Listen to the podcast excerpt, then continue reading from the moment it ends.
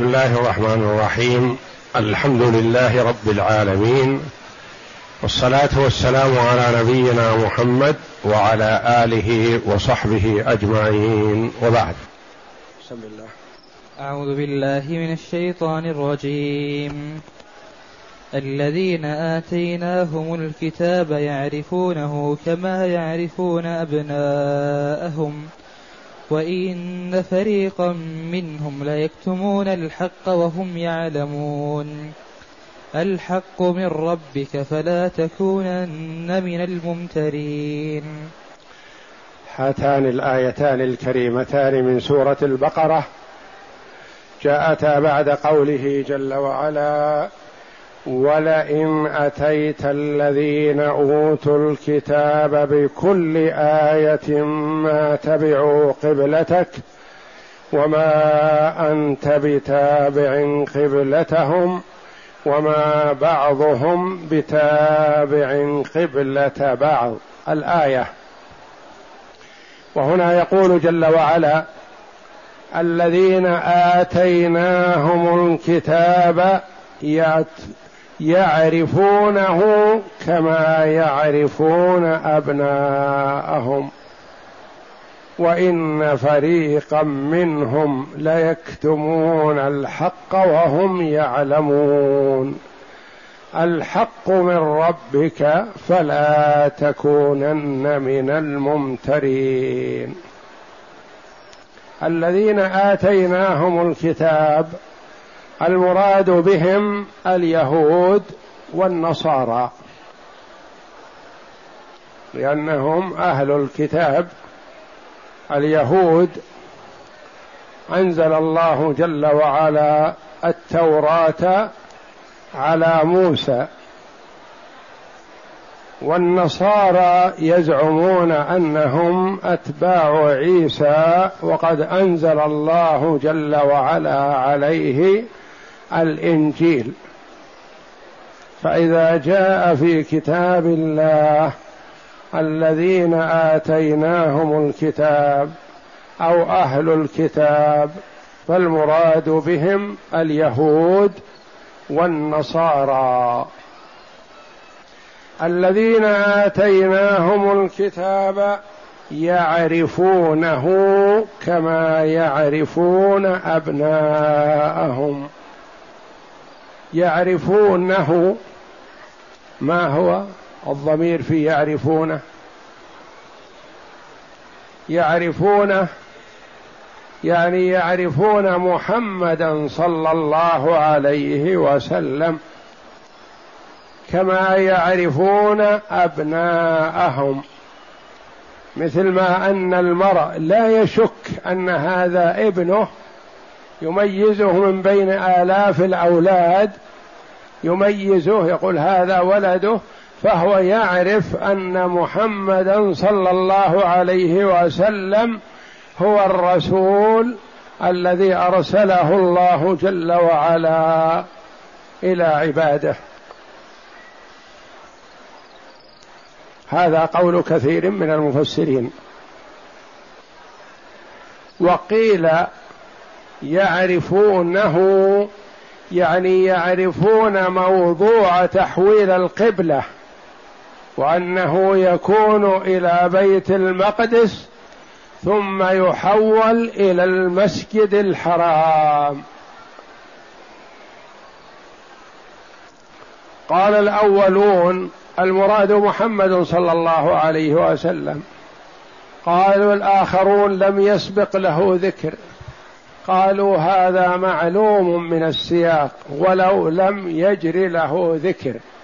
يعرفونه يعرفون محمدا صلى الله عليه وسلم. الآخرون قالوا يعرفونه يعني تحويل القبلة لأنه هو المذكور من قبل. ولا منافاة. فهم يعرفونه يعرفون محمدا صلى الله عليه وسلم ولا يشكون فيه ويعرفون أن قبلته هي المسجد الحرام وأنه يستقبل بيت المقدس كما عرفوا ذلك عن أنبيائهم ثم يحول إلى الكعبة. فالكل وارد في كتبهم ومعروف عندهم. يعرفونه كما يعرفون أبناءهم ولم يقل جل وعلا كما يعرفون أولادهم أو كما يعرفون بناتهم. قالوا لأن الأبناء ألصق بالآباء فهم معهم ويصاحبونهم ويسيرون معهم. وإن فريقا منهم يعني من أهل الكتاب ليكتمون الحق وهم يعلمون. وإن فريقا منهم ليكتمون الحق وهم يعلمون. لم يقل جل وعلا وإنهم ليكتمون الحق ليشمل أهل الكتاب كلهم وإنما قال فريق. لأن أهل الكتاب فرق. فرقة آمنوا بمحمد صلى الله عليه وسلم وليسوا من هؤلاء. وفرقة جهلة. أتباع للعلماء ما عندهم علم. ولا ينطبق عليهم أنهم يكتمون الحق وهم يعلمون. ما عندهم علم يكتمونه فهم تبع لعلمائهم في الضلال. الفرقة الثالثة هم علماؤهم الضالون. هذا هو الفريق. وإن فريقا منهم يعني جماعة منهم قد يقول قائل لما قال تعالى وإن فريقا منهم أكثر كلهم كذا نقول لا. فيهم عبد الله بن سلام وفيه من أسلم من اليهود وهم قلة ومن أسلم من النصارى وهم كثر. اللي اسلموا من النصارى كثير. بخلاف الإسلام في اليهود فهو قليل.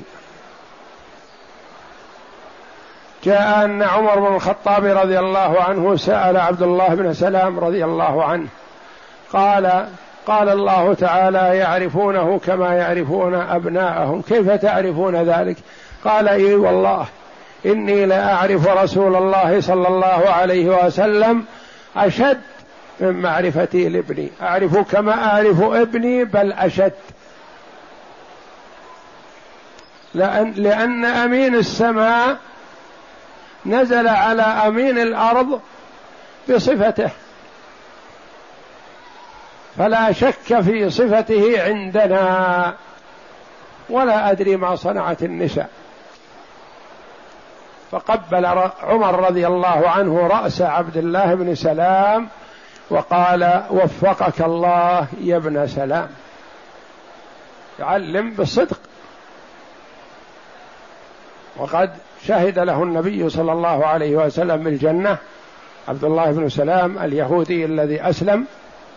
هو حبر من أحبار اليهود رضي الله عنه. ويقول من حين رأيت النبي صلى الله عليه وسلم عرفته. ما عندي في ذلك شك. ولهذا أسلم رضي الله عنه على أول ما قابل النبي صلى الله عليه وسلم. يقال أنه في المجلس الأول. في أول لقاء به أسلم رضي الله عنه. وإن فريقا منهم يعني جماعة ليكتمون الحق. كتم الحق غير جهل الحق. المرء قد يكون جاهل بالحق فيعرف به. وإنما المصيبة كل المصيبة أن يكتم المرء الحق يعني يعرف الحق معرفة حقيقية ثم يكتمه. هذا هو الضلال والعياذ بالله. وإن فريقا منهم ليكتمون الحق والحال أنهم يعلمون أنهم ما كتموا إلا الحق والحال أنهم يعرفون ذلك يعني ما كتموا الحق عن شك أو ريب أو تردد وإنما موقنون بأن هذا هو الحق وكتموه. وهم يعلمون والحال أنهم يعلمون ذلك لأن من رد الحق وهو جاهل هذا يعرف بالحق. لكن إذا رد الحق وهو يعرف أنه الحق فهذا عناد لا حيلة فيه والعياذ بالله. اقرأ.